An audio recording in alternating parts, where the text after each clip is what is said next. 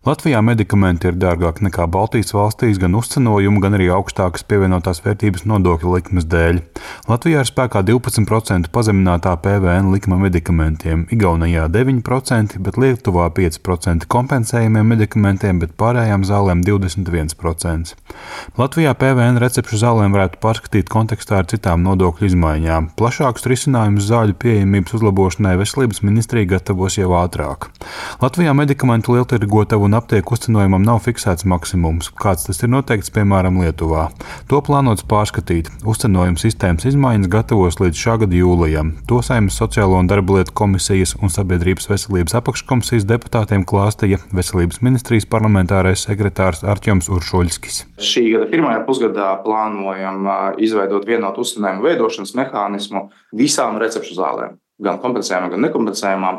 Tādējādi mēs skatāmies uz to, ka šie soļi varētu samazināt arī, protams, gala cenu zālēm un arī mazināt attieku atkarību no lielturgotavām. Atšķirības starp nekompensējumiem un kompensējumiem ir diezgan lielas, un mēs plānojam tos lielākos piecinājumu griezus padarīt mazākus un izveidot vienotu sistēmu. Veselības resorā šogad paredzēti papildu vēl 30 miljonu eiro kompensējumu medikamentu sarakstu papildināšanai, kā arī daļas kompensāciju palielināšanai. Tām zālēm, kas ir kompensējumā zāļu sarakstā, ir dažādi kompensācijas apmēri - 50%, 75, 90, 99, 100.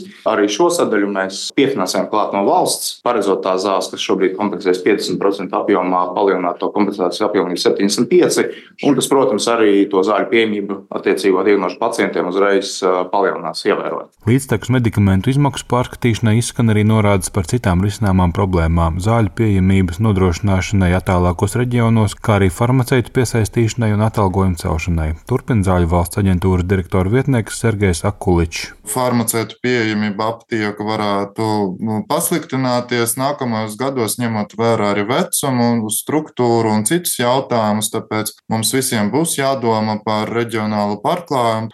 Pagaidām veselības ministrijas ziņojumā konkrētu aprēķinu un uzcenojumu ierobežojumu piedāvājumu vēl nav. Plāna ieceres atbalsta farmaceitu un aptieku biedrības, taču daļa nozares gatavojas aizstāvēt zāļu piecinojumu aprēķinus.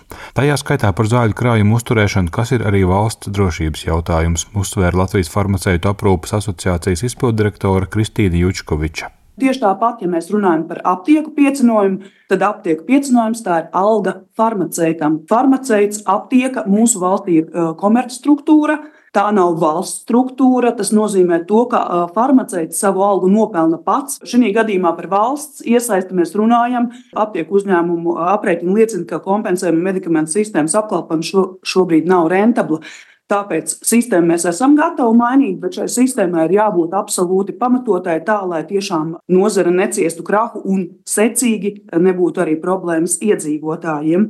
Veselības ministrijas ieskatā zāļu pieejamības uzlabošanas plāna ieviešana jau šā gada otrajā pusē ļautu recepšu medikamentu cenas pazemināt par 15 līdz 20 procentiem. Konkrētāks plāna aprises atspoguļos lēmumu un izmaiņas daudzos normatīvajos aktos, kuru izstrāde turpināsies līdz jūlijam. Jānis Kincis, Latvijas Radio.